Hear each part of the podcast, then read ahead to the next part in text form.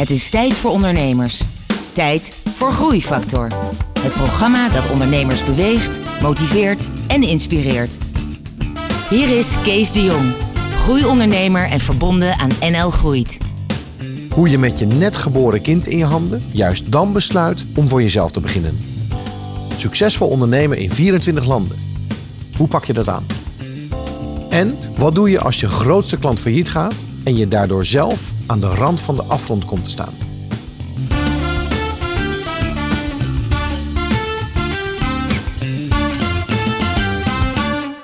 Hallo en welkom bij Groeifactor, het programma dat ondernemers beweegt, motiveert en inspireert.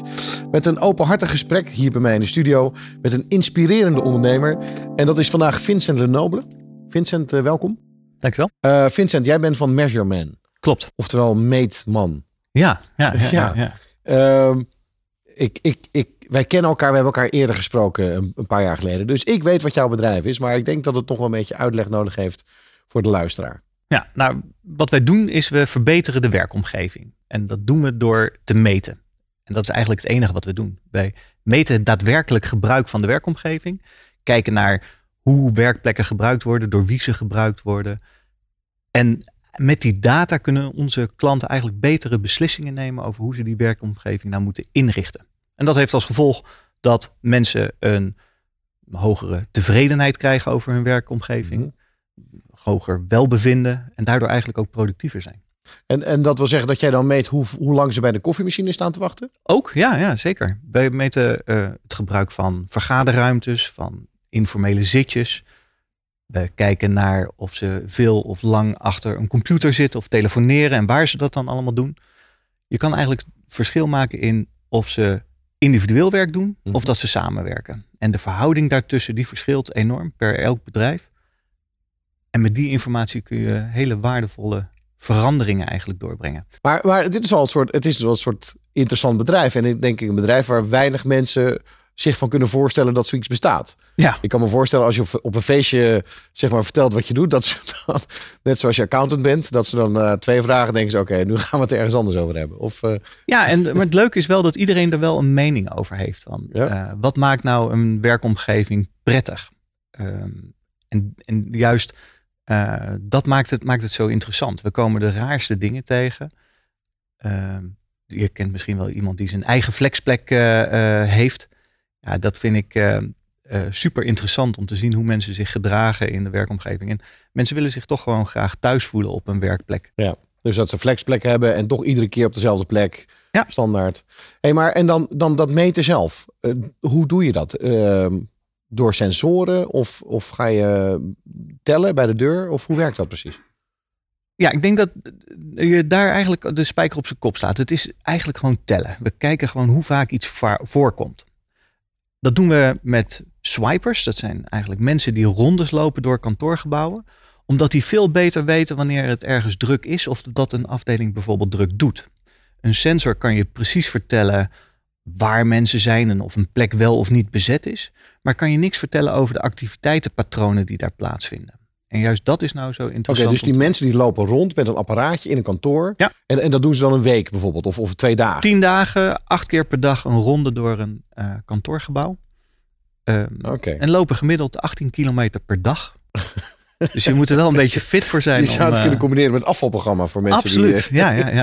Oké, okay, dus je hebt 35 man uh, staf en je hebt zeg maar een paar honderd van die swipers die met die, met die appjes of met die uh, dingen door die kantoren lopen. Absoluut. Dus dat is jouw, uh, dat is jouw bedrijf. Nou, in, in, in, indrukwekkend. Had jij ooit voor ogen om zo'n bedrijf te hebben? Wanneer is dat begonnen? Um, ik ben begonnen bij Ben, het huidige T-Mobile. In een periode dat ze daar nog maar met een man of 50 werkten. En ben daar enorm facilitair gefascineerd geraakt van groeiondernemingen. Toen ik daar wegging werkte er 2300 mensen en ik was verantwoordelijk voor het bouwen van de werkplekken. Het aanhuren Want van daar kantoren. had je ook een studie voor gedaan? Ja, toegepaste huishoudwetenschappen. Tegenwoordig heet dat uh, facilitair management uh, ja. op HBO-niveau. En daar heb ik eigenlijk gezien hoe belangrijk het is om goed inzicht te hebben in hoe die kantooromgeving nou daadwerkelijk gebruikt wordt. Mhm. We hadden een callcenter, we hadden kenniswerkers, um, we hadden een executive board. En alle drie die deelgroepen hebben een andere werkomgeving nodig. En andere uh, gedrags, uh, hebben ander gedrag eigenlijk Ja. op die werkomgeving. En, en dat was jouw eerste werkomgeving. Ben je daarna nog ergens anders gaan werken voordat je je eigen bedrijf bent gestart? Nee, ik had eh, eh, toen ik eenmaal door had dat we de, eh, de werkomgeving eigenlijk konden aanpassen. eh, toen zijn we dat ook daadwerkelijk gaan doen met een, Mhm. een groep van tien man binnen T-Mobile. We hebben toen een besparingstraject eh, eh, doorgegaan en hebben uiteindelijk het facilitair bedrijf eh, verkocht aan een eh, eh, multiservice eh, bedrijf. En dat was voor mij ook het moment om te kijken of ik dat wat ik had geleerd eigenlijk zelf in praktijk eh, kon brengen. En toen ben ik ook echt voor mezelf begonnen. Oké, en, en was het al een diepere wens die je eerder had om uiteindelijk voor jezelf te beginnen? Of was het gewoon een opportunity? Ehm, ik denk dat het een groot gedeelte opportunisme eh, was. Maar ehm, mijn vader die is op latere leeftijd eigenlijk ook nog gaan eh, ondernemen. Ehm, en ik denk dat ik daar wel veel eh, van geleerd heb. En Mhm. eh, wat het is om eh, zelf aan de touwtjes te kunnen trekken. In plaats van dat te doen voor een baas. Er is meer in het leven dan werken voor een baas. Dat merkte ik heel erg toen hij ging ondernemen. Oké, dus hij was jouw rolmodel, maar eigenlijk dan nog een beetje laat in de wedstrijd. Ja, absoluut. ja. Oké, we gaan weer even terug. Dat was 2008. En jij besloot, ik begin eh, nu mijn eigen bedrijf. Je had daarvoor... In 2005 ben ik het bedrijf begonnen. Dus ik heb in 2001 ben ik bij T-Mobile begonnen. En in 2007 hebben we onze eerste echte klant volledig met het meten gehad. In 2005 besloot jij, ik ga voor mezelf beginnen. Je, Ja. je had nog nooit eerder ondernomen. Je had nog geen klant. Je had nog geen kantoor. Je had alleen ambitie. Wat Klopt. heb je toen gedaan? Ehm, ik ben letterlijk aan de keukentafel gaan zitten samen met een eh, toenmalige eh, collega. En hebben we gedacht, hoe kunnen we nou een bedrijf opzetten en wat moeten we daarvoor doen? En je denkt vaak dat het heel gemakkelijk is, omdat we het gevoel hadden dat we een uitgebreid netwerk hadden. Eh, maar dat bleek een leveranciersnetwerk te zijn. En die mensen die... die vonden je aardig zolang je wat kocht. Ja, precies. Ehm, en dus toen we echt, echt moesten zorgen dat er geld op tafel eh, kwam, toen gingen we beseffen hoe lastig het is om een eigen bedrijf op te zetten. We hadden wel want een, je begint een met, met, met een klant. Wie, wie wordt je klant? Wie gaat jou betalen omdat jij eh, iets doet? Ja, nou, we hadden het, de mazzel eigenlijk dat we ehm, met het werk dat we deden als, als facility manager eigenlijk een aantal interim klussen konden doen. Omdat de methode die we bedacht hadden om de daadwerkelijk gebruik van de, eh, de kantoren, eh, om dat ook daadwerkelijk te gaan ontwikkelen. We hadden daar software voor nodig. Ik heb eerst zelf nog met een eh, Access database en eh, Visual Basic lopen programmeren. Maar al heel snel moest dat geprogrammeerd worden. En Ja. ik ben geen programmeur. Nee. eh, dus moesten we dat inhuren. Ja, en dat was geld uit. zeg En dat maar. was geld uit. Dus Ja. de, de, de schoorsteen moest, moest roken. Dus Hoe, we hebben oud dat was met. je toen? En dan was ik 30. En, en, maar toen had, je, toen had je al een vrouw of kinderen? Ik was net eh, eh, eh, vader geworden. Ja, mijn oudste zoon die is echt.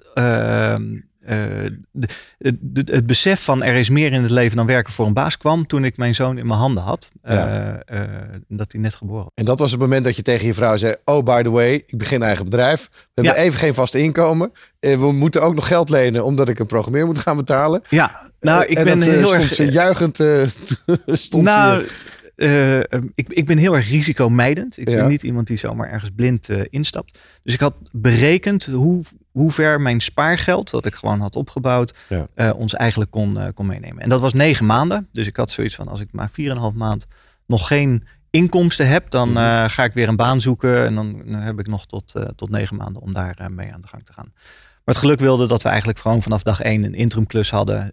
waardoor we voor twee tot drie dagen in de week onder de pannen waren. En vanuit daar heb ik eigenlijk altijd kunnen bouwen. Eerst geld in en dan eh, eh, investeren. Eh, je had inderdaad dan wat inkomsten. Je moest gaan programmeren, maar je had nog, nog geen klanten voor hetgene wat jullie eigenlijk echt wilden doen. Nee, klopt. En we hadden wel begrepen dat als je dat soort klanten binnen wilde halen, dat je dan zelf ook wel wat moest vinden over de werkomgeving. En we hebben er toen voor gekozen om in een creatief multi-tenant gebouw te gaan zitten, de Caballero fabriek in Den Haag. Wat je nu overal natuurlijk hebt. Hè? Want Ja. Maar is- toen was dat echt wel een, eh, een, Ja. een, een eerste. En, en multitenant inderdaad, veel verschillende huurders, veel verschillende bedrijven bij elkaar. Precies. En bedrijven samen opgebouwen. Ja. En het leuke van de Caballero fabriek was dat ze daar echt al in de fysieke omgeving dingen hadden gemaakt waardoor het makkelijker is om met bedrijven samen te werken. En die interactie die werd dus gestimuleerd door gewoon fysieke dingen. Glazen schuifwanden bijvoorbeeld om binnen te komen in een unit, waar die je veel gemakkelijker open laat staan en dus makkelijker bij elkaar naar binnen loopt. Uh, restauranttafels die groot gedimensioneerd waren, waardoor je nooit alleen aan een tafeltje kon gaan zitten met je eigen collega's. Er moesten altijd andere bedrijven aanschuiven, want er waren gewoon alleen maar van dat soort grote tafels. Door dat te doen en daar mensen uit te nodigen, begrepen ze wat een werkomgeving nou eigenlijk kan betekenen voor je doelstelling als organisatie. Ja. Dus we hadden heel snel door dat we snel uit die keukentafel weg moesten naar een kantoor daar zo. En hebben we ook eigenlijk gewoon een kantoor ingericht op de groei. Ja. Wij zaten met z'n tweeën in een kantoor voor acht personen. Ja. Maar, Eh, maar dat klinkt nog, toch een beetje gek, want je had nog geen klant. Nee, Je had nog geen. Het klinkt wel een beetje als een soort van. eh, een hele roze bril die je op had eh, toen. nou, we hebben wel natuurlijk overal lopen experimenteren. We zijn met, eh, eh, eh, met Excel-lijstjes zijn we echt bij klantjes begonnen om Mhm. te kijken of we daar dingen konden meten en wat ze dan met die data konden doen. Ehm, en dat heeft er uiteindelijk toe ge- geleid dat we in 2007 ja, echt een, een, een, launching customer hadden die volledig met onze eigen software die we toen hadden ontwikkeld ook daadwerkelijk bediend kon En, en wie was dat? Dat was ProRail. Oké. Ja. Ja. dat is een serieuze klant. Absoluut. Ja. En het leuke heeft- is, maar zijn nog steeds klant. Eh, maar je incubatietijd, zeg maar, was van, hè, van, van idee tot, tot launching customer. Op de manier waarop jullie dat wilden hebben, was, was dan twee jaar. Ja. Dat zijn wel twee hele lange jaren als je Ja, vrouw ja. iedere dag vraagt. En hoe was het op de zaak? Ja. nou, we hebben ook lang die interimklusjes ehm, eh, gedaan. Maar dat was voldoende om... eh, Heb je nooit gedacht van oei, is dit wel een goede beslissing geweest? Nooit. Nee? Ge- geen moment. Ja, dat vind ik wel stoer. Nee. Het is, als je iets doet met zoveel eh, gevoel voor dat, dat je weet dat het goed is wat, wat, er, wat je doet. Dat het bijdraagt aan eh, een groter plaatje. Namelijk het verbeteren van die werkomgevingen. Dan eh, is het heel erg gemakkelijk om meer uren, lager salaris te genieten en, Ja. en dat soort dingen te ontwikkelen. Nou ja, het is natuurlijk een heel erg niche ding. En, maar ik kan me wel voorstellen als je de overtuiging hebt dat bedrijven uiteindelijk die data nodig hebben om de beslissingen te maken. En die beslissingen heeft met heel veel geld te maken. Want Ja. er moet wel of geen nieuw pand of wel of niet eh, eh, bij reorganisaties of fusies of dingen. Ik kan me allemaal voorstellen dat dat eh, relevant is. Ja. En vanaf de eerste klant, toen werd het makkelijk. Of niet? Want toen zat je nog in kwamen, 2007, dan zat je nog inderdaad nog niet in de crisis. Nee, en toen kwamen we erachter dat er toch wel wat andere bedrijven ook waren die dit soort metingen al deden. En die ben ik allemaal afgegaan. En die heb ik gezegd van, joh, dat behoort niet tot je core business. Zullen wij die klanten voor jou eh, bedienen? En daarmee hebben we eigenlijk van de zeven, eh, negen concurrenten die we toen eigenlijk hadden, die dat als een soort bijproductje hadden, zijn we voor zeven van die partijen het werk gaan doen. En daardoor konden we de schaal opbouwen die nodig was om het bedrijf nog verder te laten groeien. Ja, We zijn altijd vanaf het allereerste En begin. jullie hadden makkelijker of betere software. Jullie konden het efficiënter doen. wij hadden de focus. Ja. Wij hadden de, eh, eh, de, de wens, de drive om alleen bezig te zijn met het meten. Groeifactor is een initiatief van MKB Brandstof. Ga naar groeifactor.nl voor nog meer openhartige verhalen van inspirerende ondernemers.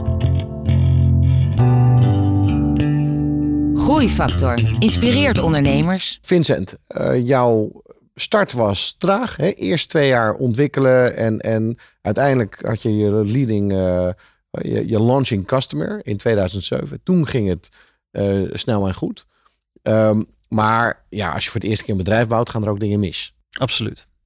We hadden bedacht dat we mensen eigenlijk zelf wilden opleiden. Dus we namen alleen maar jonge mensen aan. En daardoor liepen we eigenlijk ook gelijk tegen de grenzen van onze eh, groei aan. Want we konden de groei niet aan omdat we die mensen niet snel genoeg opgeleid kregen. En noem eens een voorbeeld van, van, van een functie die ze dan moesten hebben. We hebben projectcoördinatoren Ja. en die, die begeleiden eigenlijk de klant in eh, het meten. De, de swipers die voeren de metingen daadwerkelijk eh, uit. Maar dat klantcontact en, en op het juiste niveau met die klant praten over wat het nou is dat ze daadwerkelijk met die data willen gaan doen. Dat vraagt gewoon bepaalde competenties. En die competenties die worden opgebouwd naarmate je meer met die klanten praat en, en, en ervaringsjaren gewoon Ja. hebt. Maar uh, dat is niet iedereen zomaar gegeven. Dan ben je toch gewoon een trucje aan het uitvoeren. En daar liepen we wel heel erg tegenaan. Dat het contact met de klant eigenlijk meer gericht was op van ja, maar wij doen deze meting. Maar niet goed geluisterd naar de klant van ja, maar wat wil je nou echt en wat ga je nou daadwerkelijk met die data doen? Ja. En dan kom je erachter dat je misschien wel 400 of 500 grafieken en tabellen aan het produceren bent uh, om aan uh, de klant te geven. Terwijl die maar op zoek is naar uh, misschien twee of drie ja. specifieke. Maar jij snapte dat wel KPI's. en je compagnon. Maar jouw nieuw half ingewerkte medewerkers dan natuurlijk niet. Nee. En, en dan worden klanten ook ontevreden. Absoluut. En dat was heel erg lastig. Omdat zowel Justin als ik heel erg geloofden in dat iedereen zijn eigen fouten moest maken. En dat we die verantwoordelijkheid zo laag mogelijk in de organisatie wilden leggen. Want wij wilden graag een schaalbaar bedrijf zijn. En ja, als je dan alles zelf weer moet gaan oplossen, dan, dan word je nooit uh, schaalbaar. Ja, dus, maar dit is wel een, een heel fundamenteel probleem waar veel jongere bedrijven tegenaan lopen. Ja. Hoe heb je dat opgelost? We zijn eigenlijk gewoon gaan kijken naar hoe kunnen we ervoor zorgen dat de ervaringen van mensen gedeeld kunnen worden met anderen. En we zijn daar eigenlijk gewoon een soort sessies gaan uh, beleggen, dat we met elkaar over dat soort zaken praten. Uh, echt mensen gaan opleiden, zelf meegegaan naar gesprekken, uh, coachen, discussiëren over datgene wat je ziet en waar je tegenaan komt, tegenaan loopt. Maar ook naast iemand gaan zitten en beschrijven van wat ze nou daadwerkelijk kunnen met die data. Wij hadden de ervaring als facility managers en de mensen die wij in dienst hadden genomen, hadden vaak hun eerste baan bij ons of zaten met een afstuderen bij ons. Ja. En die rollen daar zo een beetje in ik denk dat ook we op een, op een goed moment heel erg op zoek waren naar van hoe kunnen we dat nou nog schaalbaarder mhm. maken. En ik denk dat dat pas een jaar of vijf geleden echt is doorgedrongen. Uh, over hoe we um, uh, zaken anders moesten gaan aanpakken. Wat was dan vijf jaar geleden het nieuwe inzicht? Nou ja, toen, vijf jaar geleden was ik zeg maar al, al, al tien jaar bezig mhm. met, met, met ondernemen en nadenken. En kwam ik erachter dat ik me eigenlijk mezelf helemaal niet meer had opgeleid. Dat je jezelf niet had opgeleid? Ja, dat was echt het moment dat ik eerst ben begonnen met een, uh, een management drive. Dus uh, een, eigenlijk een onderzoek naar mezelf van waar liggen nou mijn drijfveren en mijn krachten en uh, waar zitten de valkuilen. Om vervolgens gewoon te gaan kijken naar van welke studie, training, opleiding, model past nou het beste bij mij om het bedrijf verder te helpen. Oké. En wat kwam daaruit? Uh, ik ben toen bij uh, Spark Entrepreneurs Education ehm, begonnen met een jaarprogramma met andere ondernemers. Heb daar superveel geleerd. Was erg enthousiast van de Rockefeller Habits methode die daar werd ehm, onderwezen. En ben eigenlijk direct daarna ons ja, leiderschapsteam gaan enthousiasmeren. Gevraagd of ze ook meegingen. Masterclasses gedaan. Um, uiteindelijk met het hele uh, managementteam een, uh, een, jaarprogramma uh, gevolgd. en inmiddels die methode helemaal doorgevoerd door, door het bedrijf. En wat, is het, wat is het belangrijkste takeaway die je daarvan hebt meegenomen? Wat hebben jullie vanaf toen anders gedaan wat je daarvoor niet deed? Wij zijn alle data die we maar konden verzamelen over datgene wat we zelf deden, die zijn we gaan vastleggen en zijn we gaan delen met de medewerkers. Dus die 18 kilometer gemiddelde uh, looptijd van een, uh, van een swiper, uh, dat soort weetjes zijn we gaan, gaan delen met elkaar.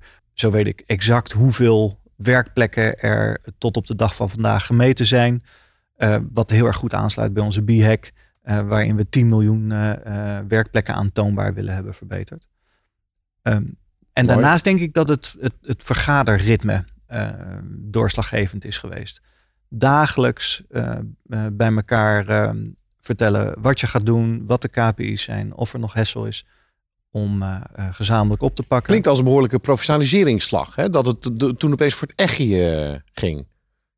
Nou, ik denk dat op het, moment dat je groeit naar een, een, een omzet van een miljoen, dat je je realiseert dat je verantwoordelijk bent voor iemands hypotheek. Ja. Uh, en dus dat je niet meer wegkomt met het boerenverstand, waarin we al die tijd gewoon ons bedrijf hebben gerund. Ja. Uh, op het moment dat je je dat beseft, dan wordt, worden de belangen groter. En dan wordt het verantwoordelijkheidsgevoel ook groter. En dan, dan moet je inderdaad gaan professionaliseren. Is er, wat, er iets in jouzelf ook nog veranderd? Ik denk dat ik wat minder afwachtend ben geworden. Ik had uh, heel vaak echt de behoefte om dingen samen te doen, om mensen hun eigen fouten te laten maken, om mensen in hun kracht te zetten en zaken te doen. En ik denk dat ik wat eigenwijzer ben geworden door gewoon te zeggen van nee, ik denk dat dit goed is voor het bedrijf, dit is wat we moeten doen. Ja. Ehm, en toch wat standvastiger ben geworden in, in, in het uitdragen van die visie en daar ook de acties aan verbinden die. en daarmee maak je meer snelheid, denk Absoluut. ik. En je noemde het net even terloops, maar we hebben ook inderdaad uh, zware tijden. Wat, wat, als je terugkijkt, wat was je de zwaarste tijd? Nou, we hebben daadwerkelijk meegemaakt dat een klant van ons failliet ging. Uh, waardoor er nogal wat uh, facturen open stonden. Mhm.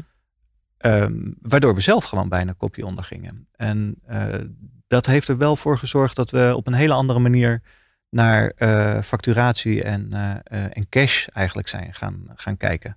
Ja. Het heeft ervoor gezorgd dat we veel meer vooraf zijn gaan factureren. Het heeft ervoor gezorgd dat we de afspraken veel beter zijn gaan vastleggen wanneer er betaald moest worden. En, Hoe langs het randje ben je, ben je gegaan? Nou, heb je al gesprekken met de bank gevoerd, uh, bijzondere kredieten? Ja, ik ben letterlijk bij de familie langs gegaan om te kijken dat we nog wat geld uh, konden krijgen. Ja, om, om in elk geval ervoor te zorgen onder andere bij mijn vader, ja. ja, ja. Hoe was dat? Het is niet leuk. Het is even je trots opzij zetten en ehm, eh, kijken hoe je dat dan allemaal weer ja, recht gaat breien. Je moet lullen als brugman. Ja. Ook bij je medewerkers. Ja, want, want als het schip een beetje gaat zinken, dan gaan mensen om zich heen kijken natuurlijk. Ja. ja. Hoe heb je dat gedaan? Nou, we hebben er eigenlijk altijd voor gezorgd dat ehm, onze medewerkers en onze klanten daar het minste last van hadden. Ook al zou je soms denken dat dat uh, de makkelijkste manier is. Ja. Uh, maar we hebben, we hebben eigenlijk altijd ervoor gezorgd dat we, dat we dan ja, zelf maar eventjes wat zwaarder hadden. Ja, dus je managementfees niet uitbetalen. Nee, maar dan ga je. Sterker nog, dan kom je thuis. in het bedrijf uh, weer, ja, van, weer stoppen vanuit, vanuit privé. vanuit privé. Ja. Maar dan ben je echt ondernemer. Hè? Want dan verdien je het ook gewoon straks om het weer te verdienen. Absoluut. Ja. ja. Heb je nog meer uh, dieptepunten waarvan je denkt van nou, dat was wel heel zwaar? Nou, waar ik zelf heel erg veel moeite mee heb gehad, is dat um, we hebben ons altijd gerealiseerd dat medewerkers twee, tweeënhalf, misschien drie jaar bij ons konden blijven werken. En ik ben heel erg blij en gezegend met het feit dat mensen langer bij ons blijven werken. Maar het is toch altijd heel erg lastig als er eentje weggaat. Ja. Uh, die nemen gewoon, hoe je het ook bent of keert, een enorme schat aan ervaring en kennis met zich mee. En dat weer opnieuw opbouwen in een groeiend bedrijf, dat is, dat is, dat is echt super lastig. Ja. En daar heb ik me wel een paar keer achter mijn hoofd gekrapt van hoe, hoe moeten we hier nou mee omgaan? Hoe moeten we er nou voor zorgen dat we minder afhankelijk zijn van de kennis en kunde van onze mensen? En ik denk dat we nu door de, door de omvang daar minder afhankelijk van zijn. Maar nog steeds heb ik mensen in het bedrijf die ik voor geen goud kwijt zou willen. Ja. Ehm, maar waar we gewoon hard voor moeten werken. dat maakt de salarisbesprekingen straks weer extra lastig, denk ik.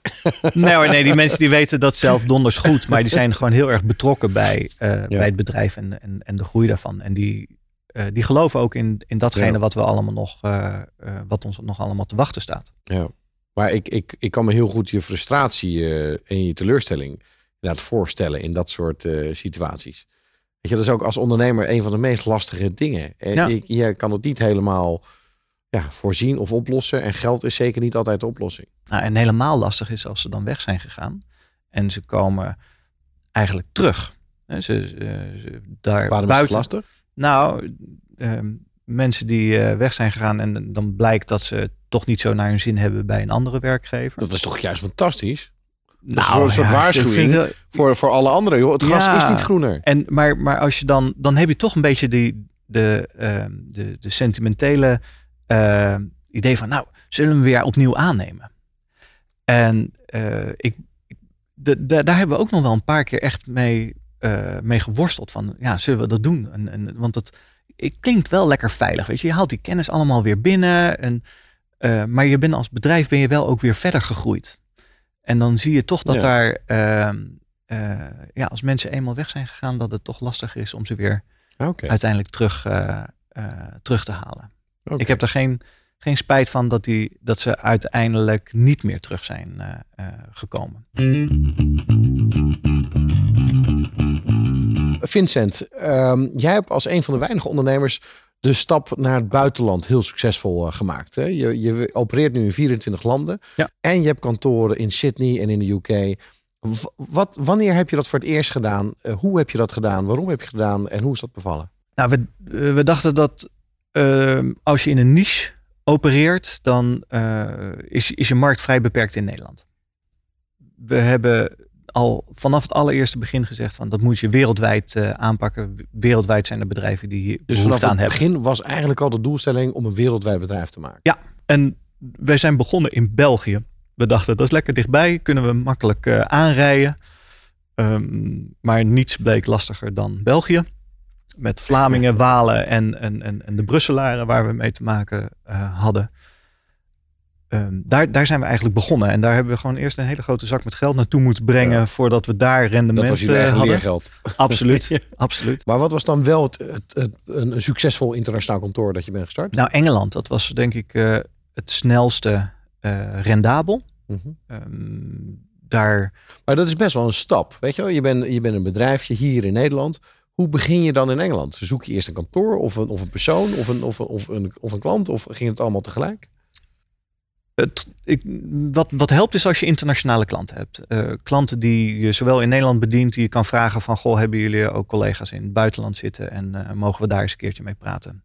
En verder is het heel veel reizen. Je, wij zijn gewoon daar telkens naartoe gegaan, afspraken gemaakt, praten, praten, praten. Op podia staan om ons verhaal te vertellen. Dat heeft ertoe geleid dat mensen zeggen van oké, we kennen jullie nu. Eh, en uiteindelijk is het toch een kwestie van gunnen. Hey, eh, maar wat ze wel eens noemen ook, eh, dat juist die cultuurverschillen ook zo groot zijn. Hè, dat, dat, met name dat Engeland zoveel anders is dan, denk, dan dat je denkt dat het is. Hoe Ja. heb jij dat ervaren? Nou, dat, dat, dat is absoluut zo. Wij zitten daar veel in eh, London City. En daar zitten mensen aan bureautjes van 1,20 meter breed. Maar in rijen van acht of tien naast elkaar. En werken ze eh, eh, meer dan de acht uur dat eh, we in Nederland gewend zijn. En ik wil even een korte stap maken naar, naar Australië. Want ik heb hier nog geen ondernemer gehad die in Australië een kantoor had eh Nee. gestart. En Ja. dat, is, dat is qua tijdzone natuurlijk de meest lastige Nou, plek waar je kan zitten. Er is Maar geen, je- je geen gedaan. tijdstip dat we tegelijkertijd Nee. aan het werk zijn. Dat maakt het met name voor onze Nederlandse Precies collega 12 die daar verschil. zit. Ja, Eh, die, dat, dat maakt het voor, eh, voor haar daar zo eh, heel erg lastig. Maar Australië heeft wel heel erg kunnen profiteren van de wet van de remmende voorsprong. Hier in Nederland waren we heel erg bezig met flexibel werken, tijd en plaats onafhankelijk werken, vanuit huis werken. En dat, dat hebben ze eigenlijk in Australië helemaal overgeslagen. Ze zijn daar gewoon rechtstreeks overgegaan naar activiteit gerelateerd werken. En dat wil zeggen dat je eigenlijk voor bepaalde activiteiten een ander soort werkplek kiest. Dus je kan je voorstellen dat je in een open kantoortuin heel slecht individueel hoog geconcentreerd werk kan doen. Nou, zij hebben dat daar goed begrepen, zijn dat gaan uitventen eigenlijk, zijn daarover gaan, gaan, gaan, gaan praten en over publiceren. Eh, en daardoor kijkt heel West-Europa een beetje naar Australië van wat daar nu allemaal gebeurt. En dat heeft voor ons wel echt een groeiversneller daar in Australië ook. eh, En jullie zitten daar en ook, ook dus juist door die internationaliseringsstrategie kom je op veel meer plekken, krijg je ook veel meer autoriteit en, en wordt het makkelijker om steeds harder te Absoluut, ja. We hebben Eh, dan, moet veel... ik toch, dan moet ik toch de vraag stellen, eh, Vincent. Ehm, had je niet al tien keer zo groot kunnen zijn? Waarschijnlijk wel. Eh, maar we hebben dit wel altijd helemaal autonoom gedaan. Alles wat wij gerealiseerd hebben, hebben we volledig zelf gedaan. Er zit Ja. geen vreemd geld achter. We, hebben, eh, we draaien al jaren zwarte cijfers, mooie winstcijfers. Eh, we hebben een superleuk bedrijf waar mensen graag werken, waar ze lang blijven zitten. En we doen wat we leuk vinden. Ja. Wat wil je nou nog meer als ondernemer? Soms hoef je niet heel hard te groeien om eh, toch succesvol eh, eh, te zijn. Ja. We lopen aan het einde van het, ehm, van het interview al. Het gaat, het gaat best snel. Ehm, maar ik zou toch nog een soort samenvatting willen maken van jouw inzichten. Nou, het laatste waar je mee eindigde. Je hoeft niet heel hard te groeien om toch succesvol te zijn. Nou, ja, dat is een mooi, mooi inzicht. Ehm, een, een ander inzicht had je rondom het schalen van je organisatie. Dat je, hè, dat je het probleem oploste eh, van de kennisoverdracht. Hè? Ja. En dat je, dat je dat ging systematiseren. Dat is, is dat een tweede inzicht? Kan ik dat zo benoemen? Absoluut. Uh, ik denk dat het vastleggen van kennis in overdraagbare systemen, uh, dat dat uh, super belangrijk is voor onze groei. Mhm. Wij weten gewoon dat we over de hele wereld moeten meten in verschillende tijdzones. We hebben als brand promise ook staan dat we dat overal ter wereld binnen twee weken kunnen doen. Ja. Daar heb je gewoon processen en systemen voor Ja. nodig om dat te borgen. Dat kun je niet alleen maar doen met alle beste mensen die, Ja. we, die we daarvoor hebben. Systemen en processen. Absoluut. Heb je nog een derde inzicht wat je zou kunnen delen? Ja, focus. Absoluut. Focus is Ja, maar focus, iedereen zegt altijd focus. Ja, En- en maar dat, het dat is- klopt altijd wel. zo je moet- gemakkelijk om, Je om. moet de luisteraar om- iets meer geven dan, eh, dan Snap dit. ik. Maar het is heel erg gemakkelijk om af te dwalen van datgene waar je daadwerkelijk wilde doen. Ik word regelmatig gevraagd van waarom geven jullie geen advies? Met advies kun je toch veel groter worden en eh, eh, nog meer eh, omzet eh, Mhm. genereren. Juist door die focus te houden op het meten, zijn we niet bedreigend geworden voor elkaar beconcurrerende adviespartijen. Ja. En halen we nu eh, opdrachten bij de grote eh, real estate agents eh, eh, vandaan, die eh, heel erg zitten te kijken van ja, dat wat die jongens doen, kunnen we dat kopiëren, kunnen we dat doen. Maar omdat wij ons alleen maar op dat meten hebben gericht en ook daar productontwikkeling en, en verdere innovaties mee bezig zijn geweest, is het inhalen van ons bijna niet mogelijk. Al gooi je er nog zoveel geld tegenaan Ja. om dat eh, eh, te ontwikkelen. De eh, expertise, de, de, de, de kennis, het feit dat mensen ons kennen omdat we dit, omdat we meten, die heeft, dat heeft er ook voor gezorgd. En dat is toch vasthouden aan die focus. Zorg dat we alleen meten. Oké. Ja, ik denk dat het een hele mooie en duidelijke uitleg eh, was eh, van het punt. En, en volgens mij is dat ook zo. Ehm, en, daarmee ben ik bijna jaloers op jullie positie. Want ik, ik zie inderdaad nog een enorme potentie verder eh, voor het bedrijf. Zeker als je nu al in 24 landen werkt. moet je nagaan hoe groot je nog verder kan groeien. Ja, Ik, eh, ik heb genoten van het, eh, van het gesprek. En, en ik wens je enorm veel eh, plezier en succes bij die verdere groei. van je. dankjewel. Dit was Groeifactor en graag tot een volgende uitzending van Groeifactor. Groeifactor is een initiatief van MKB Brandstof. Ga naar groeifactor.nl voor nog meer inspirerende verhalen van mede-ondernemers. Groeifactor beweegt ondernemers.